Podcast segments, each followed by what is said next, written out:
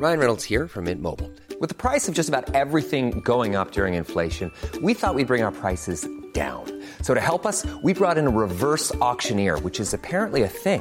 Mint Mobile unlimited premium wireless. Ready to get 30, 30, bit to get 30, bit to get 20, 20, 20, bit to get 20, 20, bit to get 15, 15, 15, 15 just 15 bucks a month. So, Give it a try at mintmobile.com slash switch. $45 upfront for three months plus taxes and fees. Promo for new customers for limited time. Unlimited more than 40 gigabytes per month. Slows. Full terms at mintmobile.com.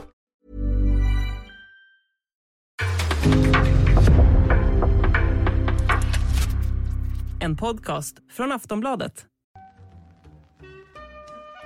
In the supermarket, you have eggs class 1, class 2, class 3.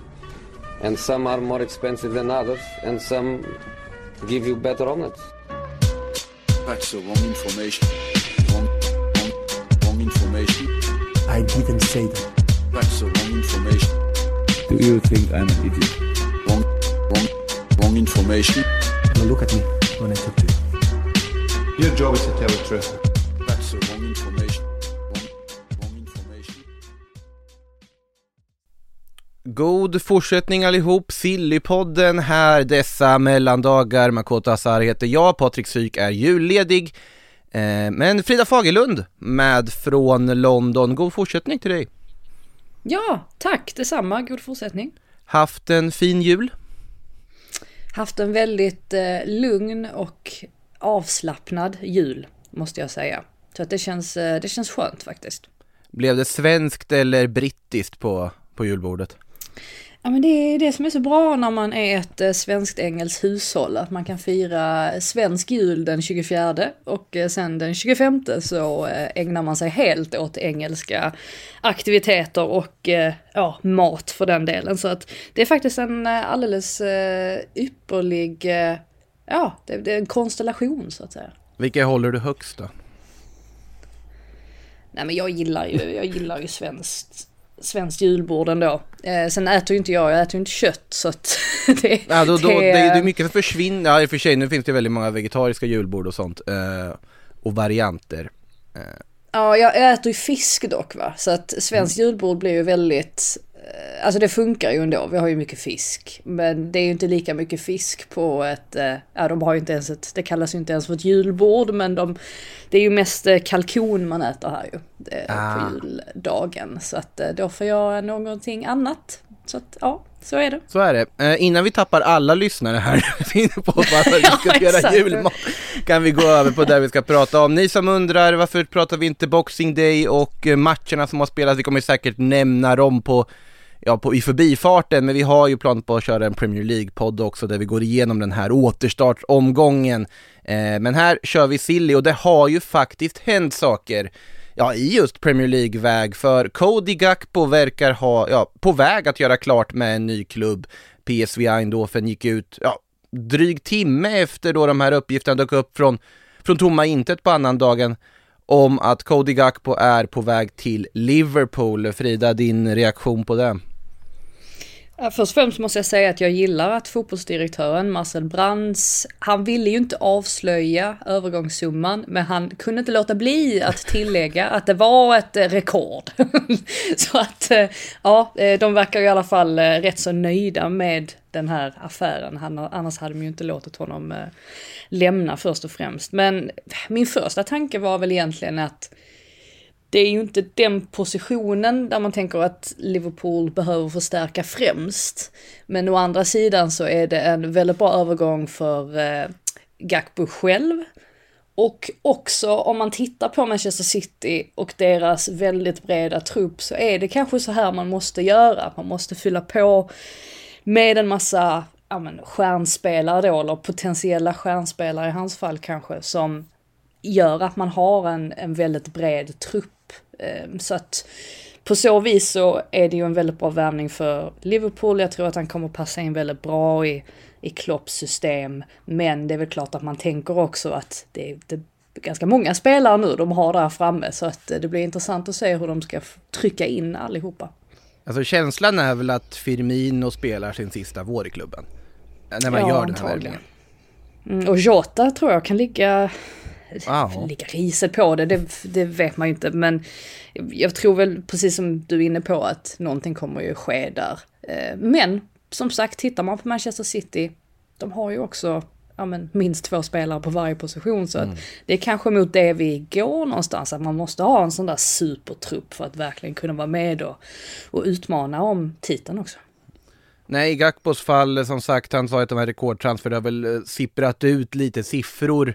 Om man räknar med bonusar och så vidare i då själva övergångssumman så har det rapporterats om 44 miljoner pund. Lägg där till då på ett sexårskontrakt som man då ska få eh, till 2028. Eh, eller det blir väl till och med 2029 om det är ett sexårskontrakt. Men eh, Mm, fem och en halv, fem och ett halvt Fem och en halv så blir det i och för sig 2028, så då, då stämmer det ju. Eh, Eh, men att hela då affären för Liverpools del ska kosta någonstans runt 80 miljoner pund. Och då är det ju nästan de transfersummor man nästan väntar sig med tanke på vad Antoni gick för till United, vad Gakpo gjort under VM som måste ha ökat på hans prislapp ganska rejält, vad han har gjort under hösten som har ökat på hans prislapp.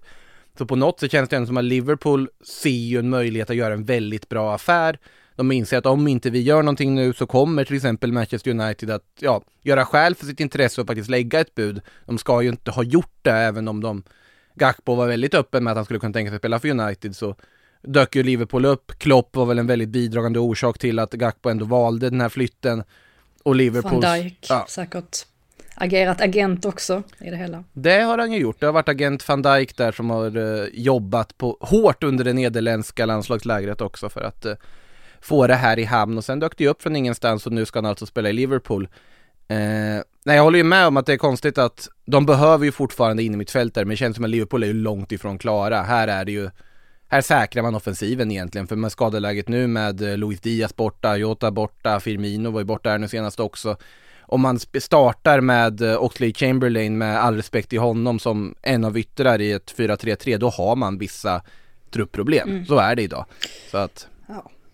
Och sen är ju eh, ganska spännande också med Gakpo för att han är ju en väldigt formbar spelare just eftersom att han är sådär ung. Jag vet ju att Fanchal hade ju någon idé om att spela honom som ja, men striker, alltså Mm. central anfallare i VM, men att Gakpo själv inte ville göra det utan att han trivs mycket bättre ute på kanten. Men jag tror att om några år kanske, om han själv kommer på att nej men jag kan nog, eh, jag kan nog spela centralt också. Jag tror att vi, det finns en stor möjlighet i alla fall att vi kommer få se det från hans sida, att han kom, verkligen kommer utveckla sitt spel nu när han kommer hit till, till Premier League och det finns väldigt mycket potential att ta av. Det känns det som en sån förvandling man måste göra för att bli en av de här allra bästa om man tittar på så här Cristiano Ronaldo Mm. som utgick på kanterna under tidigare år av sin Thierry Henry är väl eh, det, det exempel man alltid drar egentligen. Så är det och för sig. Så är det för sig. Han blev ju dock en mycket bättre fotbollsspelare rakt av. Jag menar, så att, Mm. eh, nej, så att det är ju inte omöjligt. Men samtidigt, eh, min känsla, för vi, om vi kommer ju givetvis då till Manchester United efter det här från det i och med att, ja, det var ju spelare man trodde United skulle gå för. Det var spelare man kände var naturlig för dem att få in. Men jag tycker väl ändå det är lite av kanske en blessing in disguise för dem, för det är ju som sagt inte en renodlad nia och det är en renodlad nia de behöver. Men om du håller med Frida? Jo, nej men så är det väl eh, absolut. Sen, ja exakt, alltså det är väl beroende på hur man ser det också. Alltså just det här med att, ja, alltså man vill ju såklart ha flera alternativ på Mm. alla positioner, eller alla storlag vill ju ha det. Men eh, absolut, alltså efter Cristiano Ronaldos sorti här så är det väl så att man främst behöver en, en central anfallare. Alltså Martial är ju han är inte tillförlitlig på så vis att han är skadad för jämnan. Och Mm. eh, det har man inte riktigt råd med. Så nu tycker jag ändå att det känns som att en sån som Marcus Rashford, han var ju faktiskt väldigt bra under VM och borde ha spelat ännu mer då och ser mycket lyckligare ut nu än vad han har gjort på väldigt länge. Och det Otroligt bra här igår också. Ja, det var han mot eh, Nottingham Forest. Och ehm, så, så där har de ju, alltså där sitter ju på något sätt Man United fortfarande på ett sparkapital. Egentligen samma sak med Anthony som ju faktiskt inte Mm. har varit jättelänge i United. Alltså där finns ju fortfarande utvecklingspotential eh, hos honom.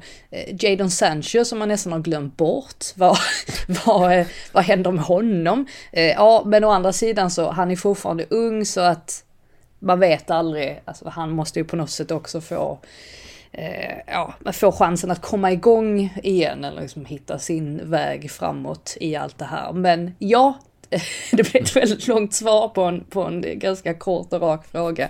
En central anfallare borde givetvis vara det man tittar på, men det gör de väl också. Ja. Det är lite dyrt bara. Det, det, är det väl. Om man tittar på några av namnen som dykt upp i, i radarn så är det väl Gonzalo Ramos såklart. Eh, hade varit logiskt när man ska ersätta Ronaldo med att ta den spelaren som petade Ronaldo i, ja. i VM givetvis och gjorde hattrick. Eh, som också relativt nyligen ändå skolats om eller mer blivit en renodlad central forward men gjort det väldigt bra i Benfica, ung dessutom. Mm. Skulle då kosta väldigt mycket pengar. Eh, Victor ja, Osimhen fylla, också. Fick väl fylla eh, tomrummet efter Darwin Nunez eh, får man väl Precis. också trycka in.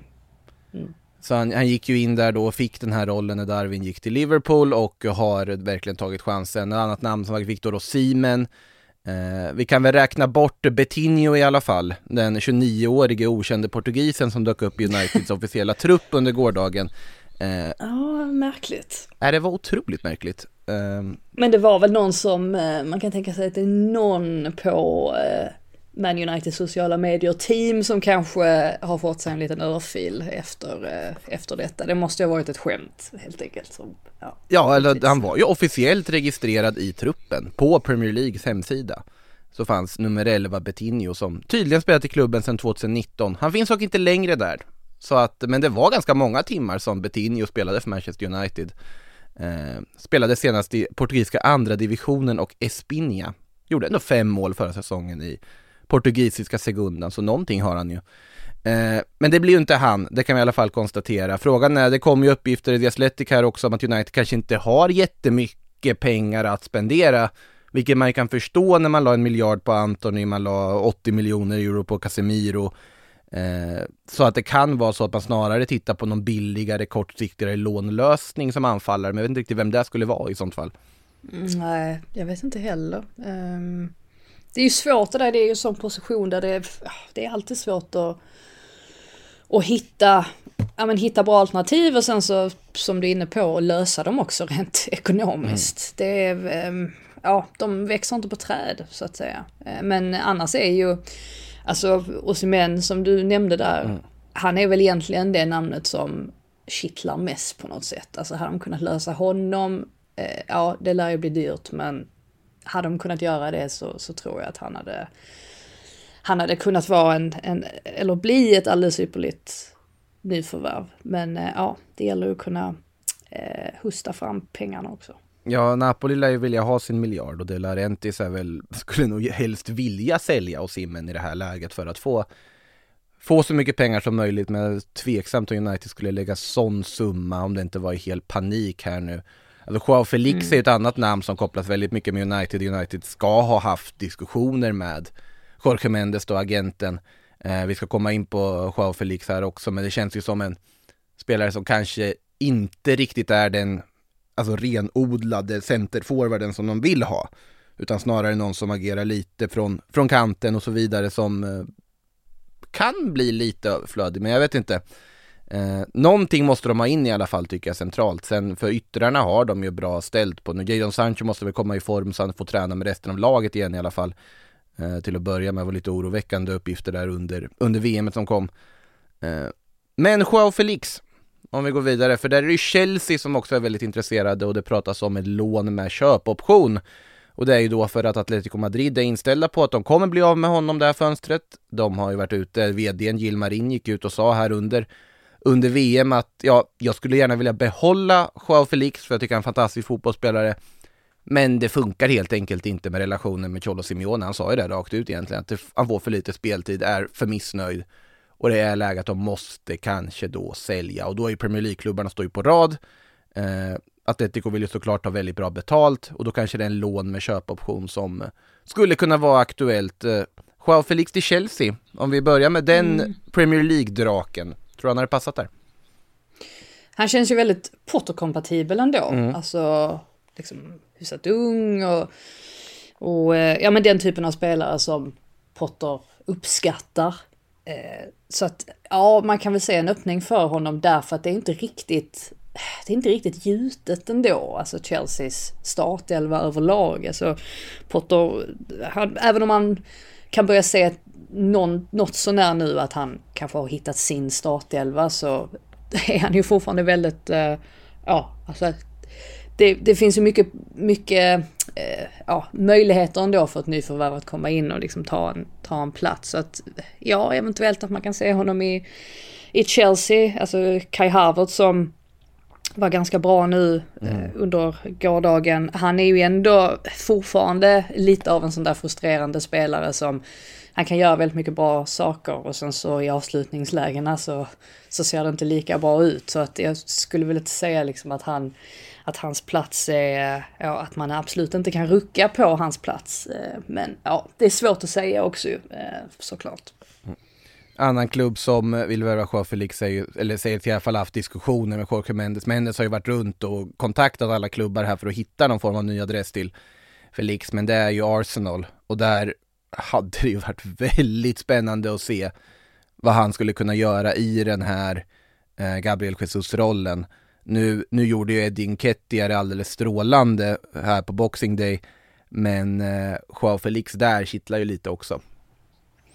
Ja, det gör ju det och det som du säger, alltså Enketia var ju, han var ju väldigt bra. Alltså jag tycker fortfarande att Enketia, han har ju sina begränsningar, men han kan också göra de här sakerna som är ja. helt sensationella. Särskilt mottagningarna när han vänder upp. Alltså, han är ju, han är ju sensationellt bra i de lägena och det såg vi inte minst nu i matchen senast. Men det finns ju ändå, alltså viss form av begränsningar i hans rörelsemönster mm. och han är, han, har, han är ju inte lika instinktivt bra som Gabriel Jesus är. Så det är ju absolut en sån där position om nu Jesus är skadad, där man behöver backup. Så att eh, ja, man kan se att, att Arsenal skulle kliva in där. Mm. Vi, det finns ju ett annat namn dock i offensiven som främst kopplas samman med Arsenal, både från Arsenal själva och från spelaren själv, men vi kommer till till den namnet lite senare, för vi vill inte lämna Chelsea riktigt än, för där verkar man på väg att värva på en annan position, eh, nämligen mittbackspositionen. Eh, Benoit Badiachile från Monaco, 21-årige mittbacken på väg in. Samstämmiga uppgifter om att Chelsea är nära att slutföra den övergången. En övergång skulle kosta någonstans runt 35-40 miljoner euro, alltså runda slängar då 400 miljoner kronor. Ännu en mittback innan efter man har värvat. Ja, Fofana gick ju sönder ganska tidigt dessvärre. Kolibali har inte riktigt kommit upp i den nivån som de kanske hade hoppats. Eh, Badiachile då in. Tror du att en spelare som går rakt in i en startelva här eller är det för att bredda truppen?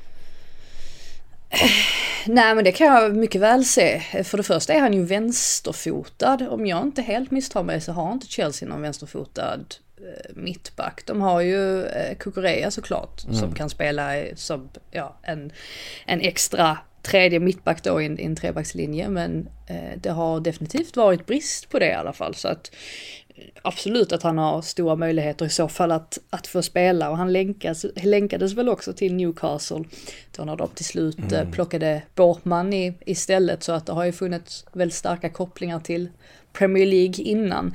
Jag tycker att han är en bra ålder. Det skulle också gå hand i hand med Chelseas nya värvningsstrategi med Todd Bowley. Det här med att de gärna plockar in yngre spelare som ja, har väldigt ljusa, eh, eller ja, en ljus framtid framför sig. Så att ja, på så vis så kan jag absolut se det hända. Men det var, eh, det är ju ganska, ja, ganska hög prislapp men å andra sidan så de har ju spenderat en hel del eh, på mittbackar och försvarare redan så varför inte, varför inte slänga fram lite till då? Alltså jag var förvånad att jag fortfarande är så ung. För att alltså det var ju, ja, det var ju 21. två, ja, för det är två år sedan som man kopplades till Manchester United väldigt mycket. Eh, när han hade slagit igenom i Monaco där också. Han blev väl först känd, höll jag på att säga, vet, var väl kanske ett starkt ord för det, men när Thierry Henry skällde ut honom på en presskonferens, minns du det? När, eh, ja just det, när, det hade jag faktiskt glömt bort. När han inte då sköt in stolen efter han lämnade presskonferensen och fick en avhyvling av Thierry Henry som skulle leka uppfostrande pappa mitt i det här presskonferenspodiet. Eh, otroliga scener och det var ju Benoit Badiachile, då helt okänd, som inte hade skjutit in den här stolen efter presskonferensen. Sen har det gått desto bättre för honom, gått igenom alla franska ungdomslandslag, spelat över 100 matcher för Monaco, gjorde ju debut i A-landslaget och vi vet vilken konkurrens det finns på mittbackspositionen i Frankrike. Eh, här nu i Nations League i höstas. Jag tycker ju snarare att om man jämför med vad exempel Chelsea betalar för Fofana så tycker jag att prislappen är otroligt rimlig i det här läget för det är en väldigt intressant ja. mittback de får in här. Eh, de, de snöade ju in sig också på Fofana väldigt det mycket. Det var de. som att de, de, de var intresserade och sen var de till slut så intresserade att de inte riktigt kunde se klart i den situationen tycker jag. Kukureya är ju ett annat sånt exempel ja. på en spelare som han har inte riktigt, uh, han har inte levererat Eh, ja, men så pass som man kanske tänkte att han skulle göra, hittills i alla fall. Nej, men jag, jag är en av eh, Marco Mark Kukureyas största supportrar men jag tycker absolut inte att han är värd den prislappen eller prisbild som Chelsea i slutändan betalade. Det fanns en anledning till att City drog sig ur.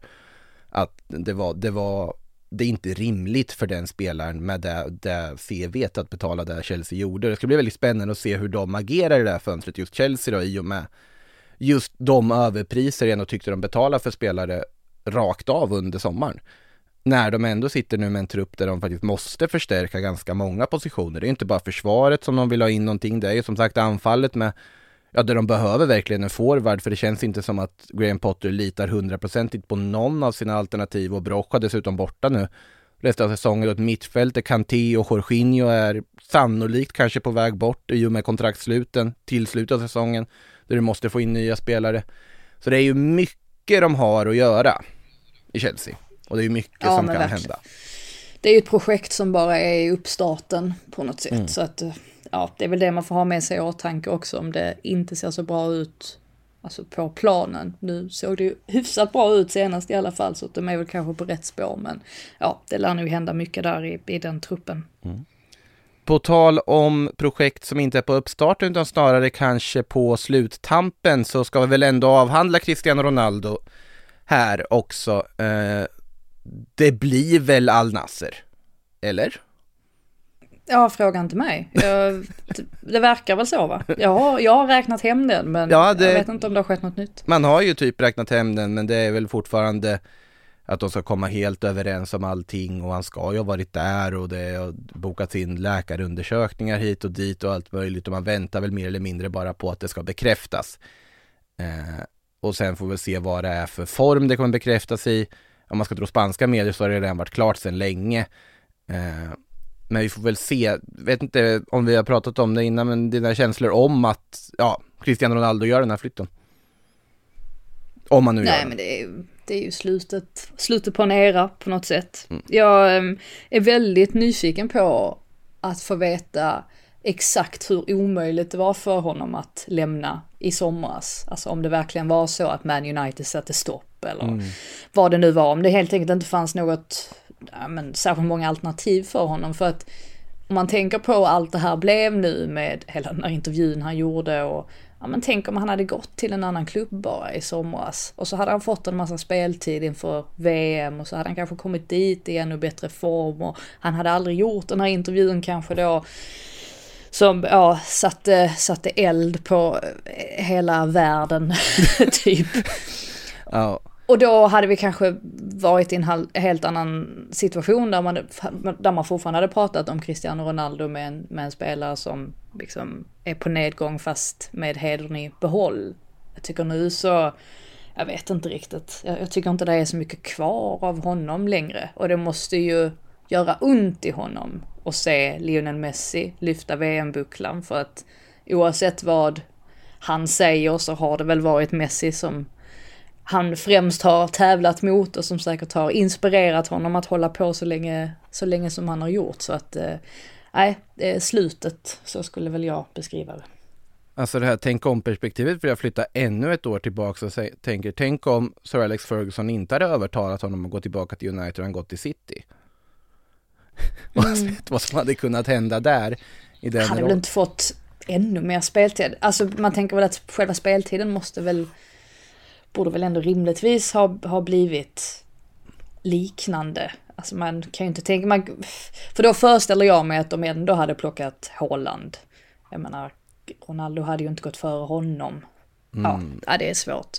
Nej, det, det, det är mycket tänka om här, men samtidigt på något sätt för mig blir det här, om nu det blir Al Nasser, så är det på något sätt känslan av en spelare som inte riktigt vill släppa sin självbild fast han har, alltså fast den har fått så många törn, så, så mycket törner som den kunde få under den här hösten att han har ju ramlat ner från en pedestal som han är van vid att vara på.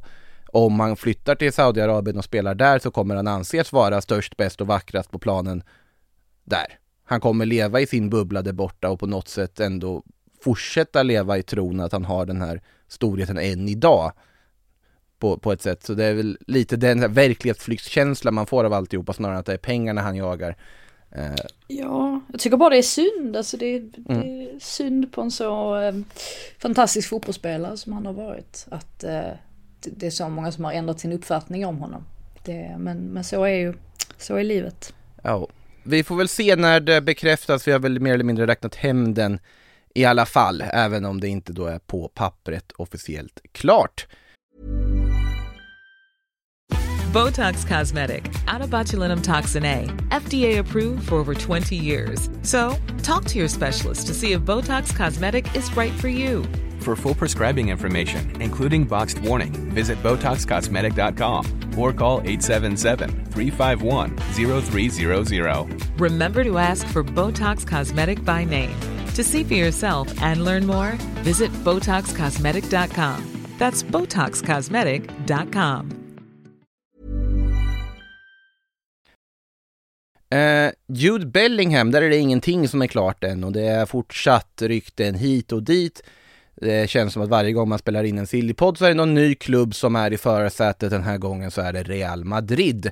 För det är både uppgifter i Spanien och i Tyskland som gör klart att Jude Bellingham är intresserad av Real Madrid och prioriterar Real Madrid i, i ditt val då för vilken klubbadress han ska ha när han då flyttar från Borussia Dortmund. Då att Real Madrid då är redo att gå all in för att värva Jude Bellingham, gissningsvis då möjligtvis som som en ersättare till Tony Kroos som man förväntar sig kanske faktiskt ställer skorna på hyllan efter den här säsongen till och med och bara nöjer sig eh, med karriären som han har haft. Och det skulle inte vara helt förvånande ändå. Och då skulle Jude Bellingham vara en ganska bra ersättare. Jag vet inte hur går snacket i England? Är det mer Real Madrid-bound som man, man skriver nu eller fortfarande Liverpool och City som Nej, jag tycker fortfarande man bara ser Liverpool City, men det är kanske inte så konstigt.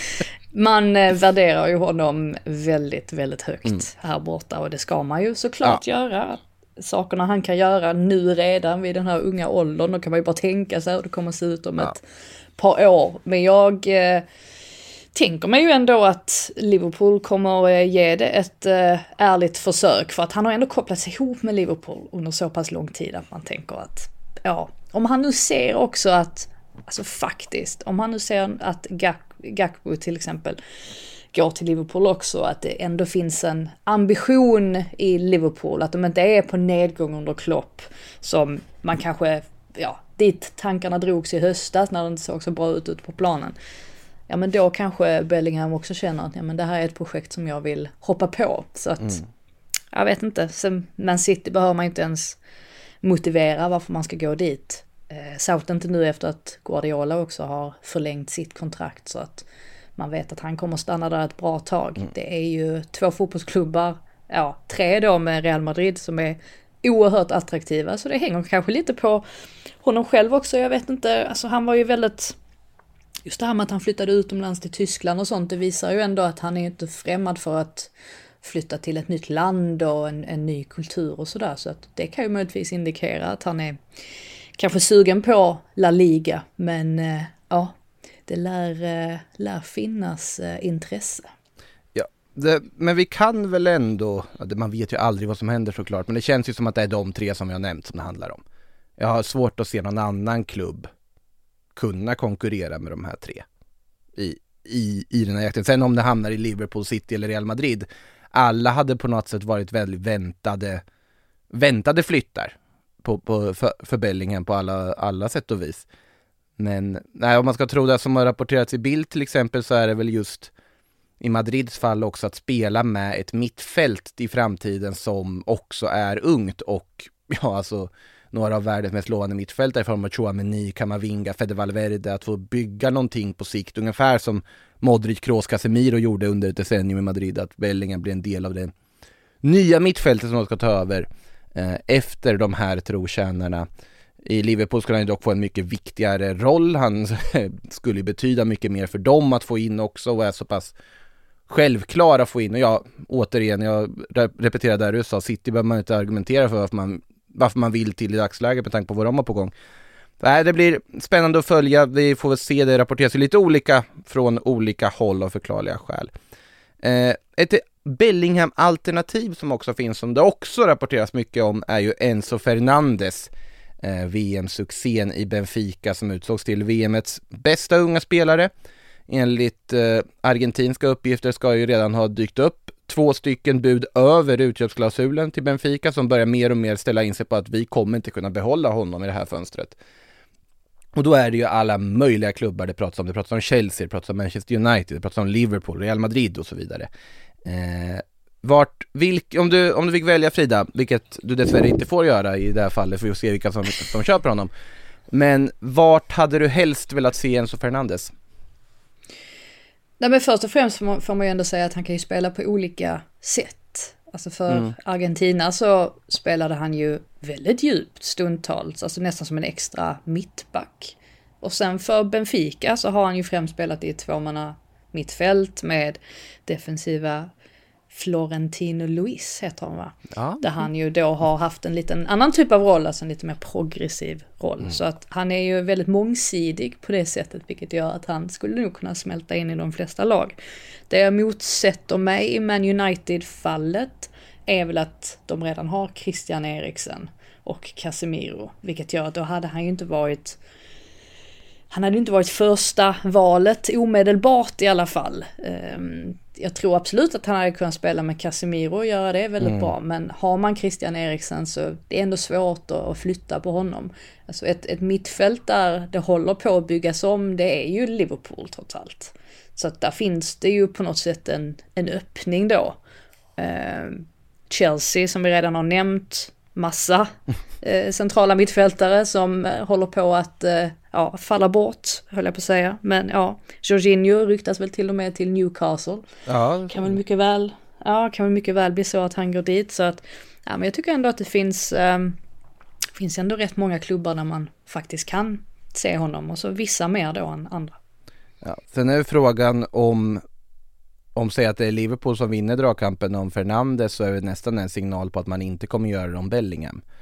Eh. Nej exakt, det är väl det som, som gör att man tänker att det inte kommer, att det inte kommer ske. Mm. Uh, ja. Ja, men Chelsea känns logiskt tycker jag på något sätt. Om de har pengarna för att, för att investera i en sån spelare. Det skulle ju kosta över en miljard att lösa det här under det här fönstret. Det är jag övertygad om. Eh, om man känner att det är värt utifrån, ja, priset är ju hypat efter det här VMet, så är det. Men samtidigt är det ju en spelare som är otroligt spännande på sikt. Det här är inte bara en spelare som, som är en fluga efter ett mästerskap, utan en spelare som faktiskt kan bidra och bli väldigt viktig för en klubb i väldigt många år framöver. Så att äh, det blir väldigt spännande att se vad som händer med honom. Känslan är väl ändå att det blir en flytt till någon klubb, till någon stor klubb eh, i det här fönstret. Benfica är ju väldigt bra på att smida medan järnet är varmt.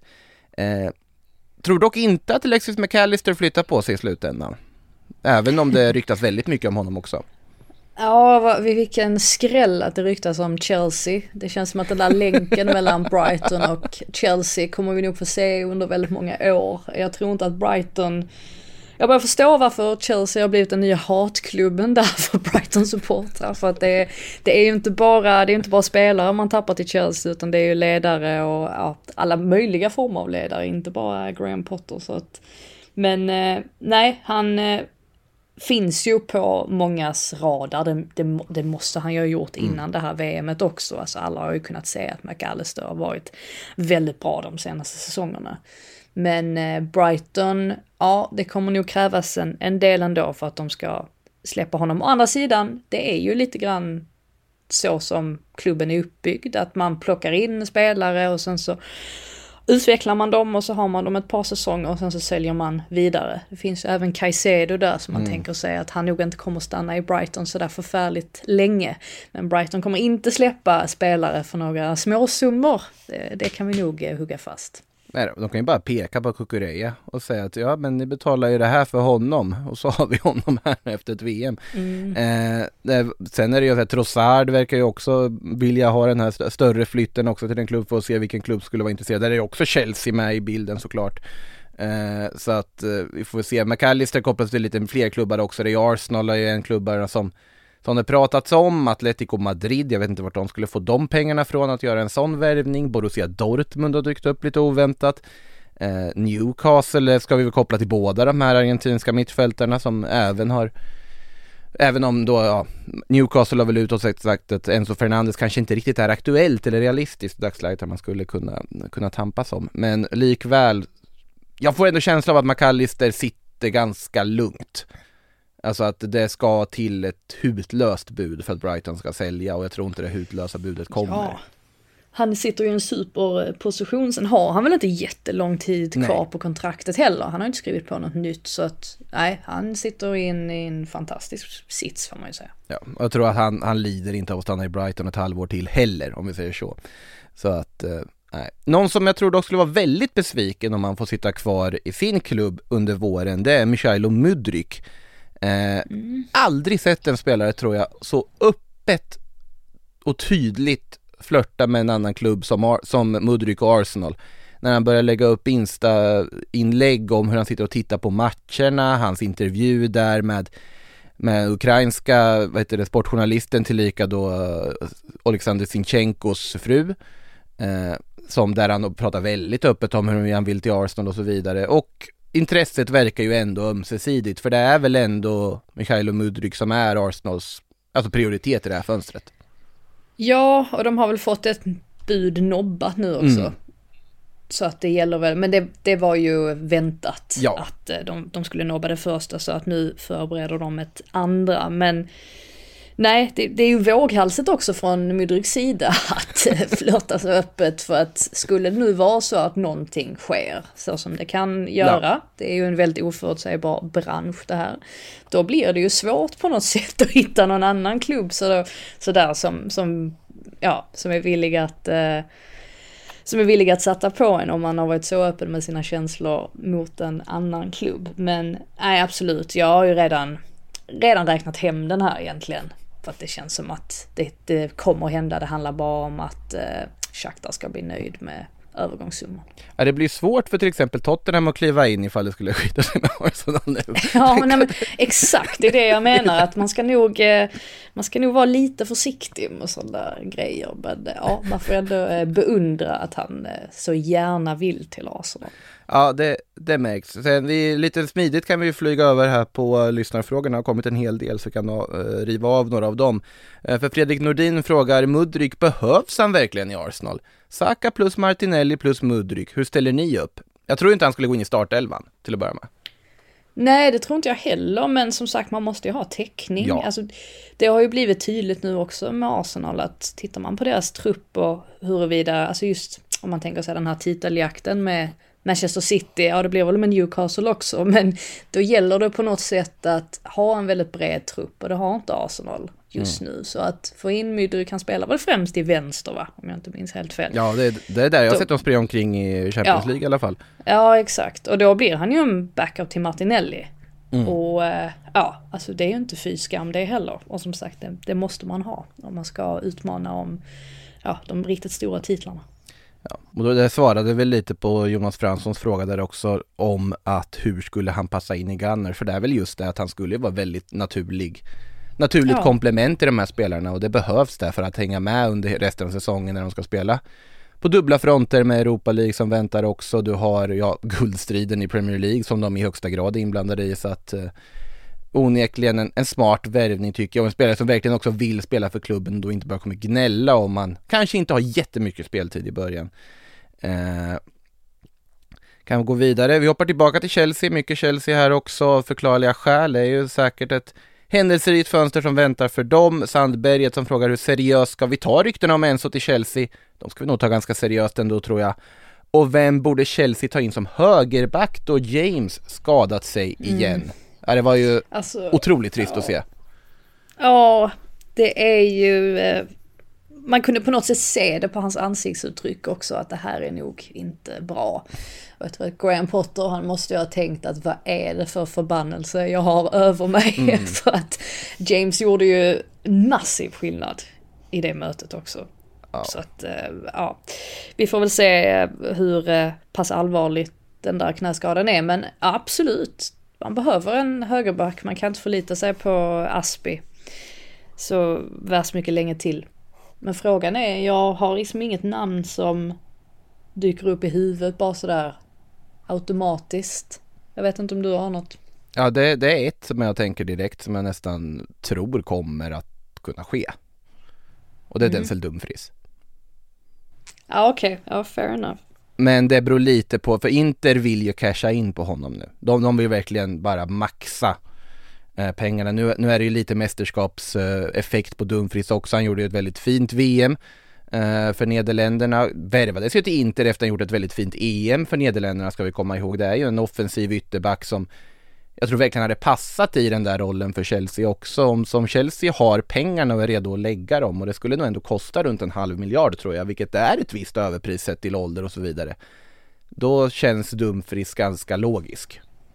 De får, de får gå för Juranovic annars. Ehm, det hade ju varit smart. Ligan. ja precis, för att vara ett sånt där backup alternativ ifall man inte hittar någonting annat. Han var ju rätt så bra i VM han också ju. Ja, och hade kanske inte kostat fullt lika mycket som jag tror Dumfries kommer göra om man nu ska försöka värva honom. Där pratar de United och sånt Otroligt. också. Otroligt. Nu, nu googlade jag hans namn och så står det till och med Chelsea set to accelerate interest in Celtics Juranovic. Såklart. Sanslöst. Det är som förutsägbar bransch det här, är det inte? Ja, vi, vi, har varit med ett tag också. Det är det. ganska lätt att placera ut. Man bara kommer på den första spelaren som gjorde det hyfsat bra i ett mästerskap och så har man det. Ja. Men har han, har han kopplat samman med Tottenham någonting? För vi kan ta Mighty Mikes fråga. Kommer Spurs äntligen få loss en kvalitativ högerback? Det hade ju Juranovic kunnat vara någonting också. Nu tycker jag i och för sig de har Doherty, så jag vet inte riktigt stressen där, men Ja, jag tycker att det finns ganska många positioner, vill jag på säga, som de bara, nej, jag typ, nej men mittbackar, eh, blev, ja. kan ändå tycka att det finns, eh, finns någon form av idé att plocka in någon mittback som är lite bättre på att, ja men, transportera boll och, um, ja men bygga upp spel, för jag tycker inte riktigt att de har det nu, minus Romero då, mm. att det hade behövt lite mer kvalitet på de positionerna, men en högerback, det är väl någonting också som man har eh, tänkt under ganska lång tid att där har det ju inte funnits någon sådär fast spelare utan mm. eh, ja, Royal har ju på något sätt eh, ah, blivit lite hackkyckling också, har han inte det? Ja, det, det får man ändå säga. ja, så då till som fick sig en känga i, i höstas då när han inte var redo. Ja, det var ju lite, Contes ord blev lite förvrängda där, men eh, nej, det finns ändå ett par positioner som där man tänker att Tottenham absolut kan plocka in lite nyförvärv. Minns du när de värvade Jed Spence? Det hände ju en gång. Ja, det var ju i somras ju. Ja, precis. det, det, har gått bra. eh, men ja. nej, jag håller med om eh, mittbackspositionen. Alltså man tänker ju här lite med i efterhand att Conte borde ju spenderat sin sommar på samma sätt som Alltså när Erik Ten Hag ringde och liksom telefonterroriserade Frenkie de Jong så borde nästan Conte gjort samma sak till Bastoni. Alltså Bastoni hade ju varit helt perfekt. Ja, alltså jag tror bara när man spelar med en trebackslinje på det sättet så är det väldigt stor risk att det blir statiskt om man inte har mm. mittbackar som kan ja, men, ta fram bollen och slå de där passningarna. Alltså Thiago Silva är ju också ett sånt exempel på en mittback som kan slå de där fantastiska mm. djupledsbollarna som behövs för att liksom, öppna upp spelet eller öppna upp planen. Och de, de har han inte riktigt för tillfället då. Ja, det, det, det behöver ju inte vara en Schultz Kondé eller Bastoni typ heller så länge du har en bra fot och mm. spelförståelse. Uh, nej, men jag håller med att Tottenham skulle behöva en mittback för att se vad, vad som skulle kunna dyka upp där. De har inte, de har inte fullt lika mycket pengar som Antonio Conte kanske hade velat att de skulle ha att spendera i det här fönstret i alla fall. Uh, är väl känslan. Uh, kan ta en fråga här från Per Palmblad också. Har Uniteds sanslösa överpris av Antoni förstört prissättningen för andra medelmåttiga spelare? Jag tycker inte Antoni är medelmåttig kanske, men eh, ja. Eller spelare från sämre ligor. Jag tycker väl att om Liverpools Gakpo-pris stämmer så är svaret nej. Ja, det är väl, man märker ju att marknaden är den är upp och ner hela tiden. Mm. Och i somras var den ju eh, ja, helt grotesk. Vilket gjorde att, och klubbar också, de, de hamnade ju sådär i panikmode igen och då blir det ju att summorna blir betydligt högre. Men om man planerar sina köp, mm. alltså i, långt i förtid, då behöver det inte rusa iväg sådär prismässigt. Så att det är, väl, det är väl det man får ta med sig på något sätt.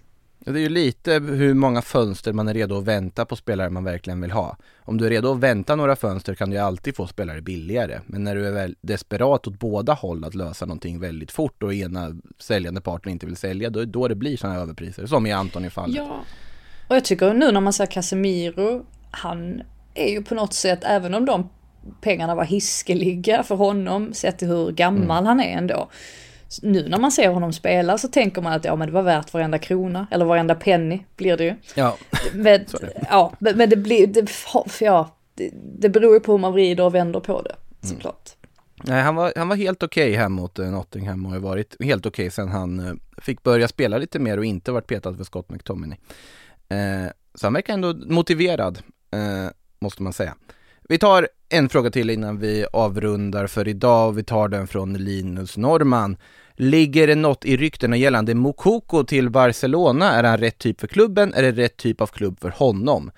Eh, om vi drar historien om Josofa Mokoko då så är det ju, det är ju Dortmunds supertalang som ja, fick eh, debutera här i tyska landslaget också i samband med det, ja, i tysk, tysk väg misslyckade världsmästerskapet.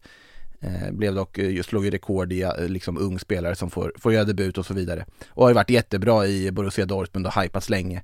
Dock har han ju ett utgående avtal. Det, agenten gick ut här relativt nyligen och sa att vi är inte nära en överenskommelse om ett nytt. Eh, alla storklubbar i världen tittar ju och inser att man kan plocka en av de mest spännande anfallstalangerna i världen gratis i sommaren. Barcelona, deras nya melodi är att leta efter spelare gratis. Så för Barcelona är det väl jättebra om de skulle kunna lösa honom. Eh, för Mokokos del så beror det väl helt på ja, vad de ser för status på Robert Lewandowski, för det är ju inte jättemycket speltid han skulle få nästa säsong i Barcelona om det är så att eh, Lewandowski fortfarande är kvar, vilket han lär vara. Så då känns det väl bäst att kanske signa för Barcelona, lösa någon form av återlån till Dortmund eller vad som helst för att ha någon form av speltid och fortsätta få kontinuitet. För jag tror inte han går in och petar honom i Barcelona idag. Chelsea har ju också kopplats mycket samman med, med Mokoko av förklarliga skäl. Eh, vad säger du Frida? Låter jättebra.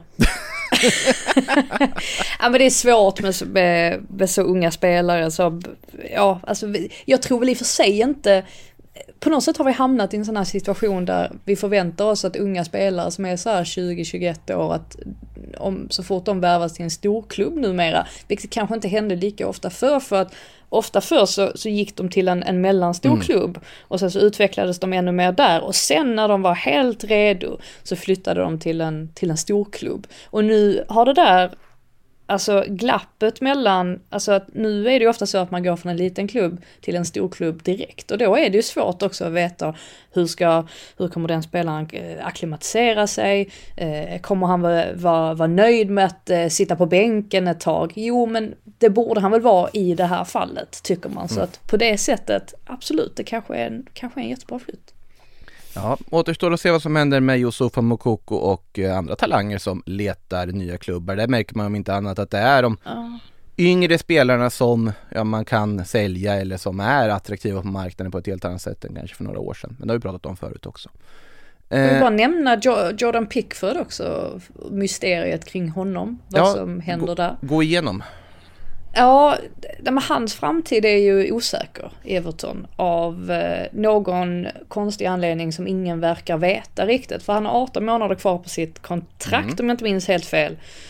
Och det är klubben som håller sig ifrån att skriva på ett nytt femårigt kontrakt. Det är alltså inte Pickford själv som, ja, utan, eh, ja, men som eh, håller sig från att skriva på, utan det ska alltså vara ledningen då som drar ut på tiden, vilket gör att nu har ju Man United och Tottenham och Chelsea och alla andra klubbar vaknat till liv och de bevakar så att säga situationen. Och även Anthony Elanga är ju inblandad lite grann i det här också för att han ryktas till Everton. Eh, som, eh, ja, ah, att han kommer att lånas ut. Så att, eh, ja, vi får, vi får följa den händelseutvecklingen där, men det är ju lite kittlande ändå att Englands första målvakt är inblandad i någonting sånt här. Hade han inte passat ganska bra United? Alltså jag, jag vet att Pickford får jättemycket skit men jag håller honom väldigt högt ja. och tycker att han har lugnat ner sig också de senaste det senaste året framförallt, att han inte är lika sådär frenetisk som han var eh, ja, för några säsonger sedan när han kunde göra, han gör färre och färre idiotgrejer. Så kan man väl eh, sammanfatta det. Så att Mm. jag tycker inte att det vore helt dumt. Man, man vet, eller man ser ju också på Chelsea att Mendy verkar inte falla Potter i smaken så att han eh, har ju lagt allt sitt förtroende på Kepa numera.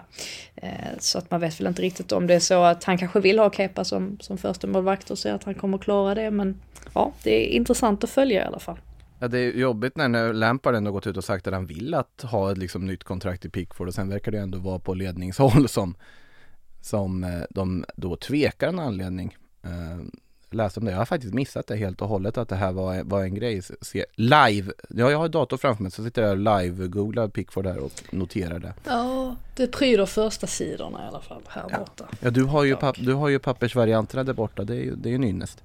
Eh, vi måste ju ta upp det här, jag har en, eh, vet inte om du ser eh, frågetråden här men eh, Robin Ram som ber att vi ska snacka lite om hur vi tror spelarna firar sin jul och la upp en bild här på Jordan Pickfords gran som jag Ja, vad, vad är det jag tittar på undrar jag? Han har liksom hängt alla julgranskulor i botten, ungefär där man lägger de här vad heter de här papperskaramellerna om man tar de gamla, liksom svenska julgranstraditionen. Eh, och så är det helt tomt. Alltså uppåt. Otroligt underlig julgran som Jordan Pickford verkar ha. Men vadå, är det inte ett skämt då? Ja, Alltså att han är kort? Eller? ah. såklart det är. eh, Ja, ja. alltså det, ja. Jag vet inte, jag har inte sett bilden. Nej, jag, jag inser ju att det givetvis är det nu. Ingen skulle ju klä Ja. sin julgran på det här sättet. ja. Ja. Eh, och därav Patrik Syk taggad också, givetvis. Han som har någonting emot korta målvakter. Så var det med det, men det kan jag bjuda på eh, så här i juletider. Vi ska ändå ha lite, lite glädje. Eh, fyndigt skämt ändå, får vi säga. Eh, apropå det kan vi också säga att nej, Kylian Mbappé är inte aktuell för Barcelona. Det är ju trots allt den spanska versionen av första april idag, eh, Dia de los Inocentes. Så att det stämmer inte att Florentino Perez ska hjälpa till med nya Spy Barca-projektet och då låta Barcelona ta Kylian Mbappé, som Mundo Deportivo rapporterat idag. Eh, så om ni läser det så är det alltså ett aprilskämt, om ni inte förstod det. Med det, de skämtsamma tonerna så tackar jag dig Frida för att du tog dig tid idag. Eh, vi, vi ses väl imorgon för Premier League-podd där vi ska gå igenom det fotbollsmässiga som har hänt här under mellandagarna också. Yes. Härligt. Vi hörs allihop då också, lyssnare. Det är som sagt PL-podden, kommer tillbaka här imorgon torsdag eh, och går igenom hela den här återstartsomgången. Men från Sillypodden så säger vi på återhörande. In the supermarket, you have eggs class 1, class 2, class 3. And some are more expensive than others, and some give you better omelets. That's the wrong information. Wrong, wrong, wrong information. I didn't say that. That's the wrong information. Do you think I'm an idiot? Wrong, wrong, wrong information. Now look at me when I talk to you. Your job is to tell the truth. That's the wrong information. Du har lyssnat på en podcast från Aftonbladet. Ansvarig utgivare är Lena K Samuelsson.